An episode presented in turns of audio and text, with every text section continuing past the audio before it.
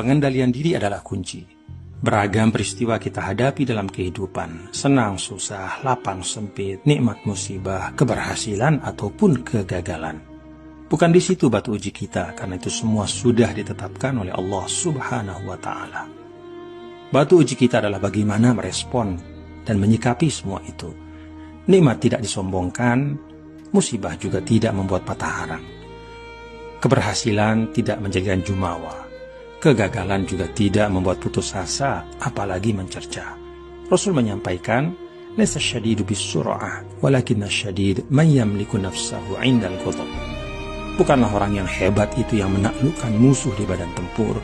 Orang yang hebat adalah yang mampu mengendalikan diri pada saat dia marah. Beruntung orang yang punya pengendalian diri yang baik dan selalu melihat segala sesuatu dari sudut yang positif.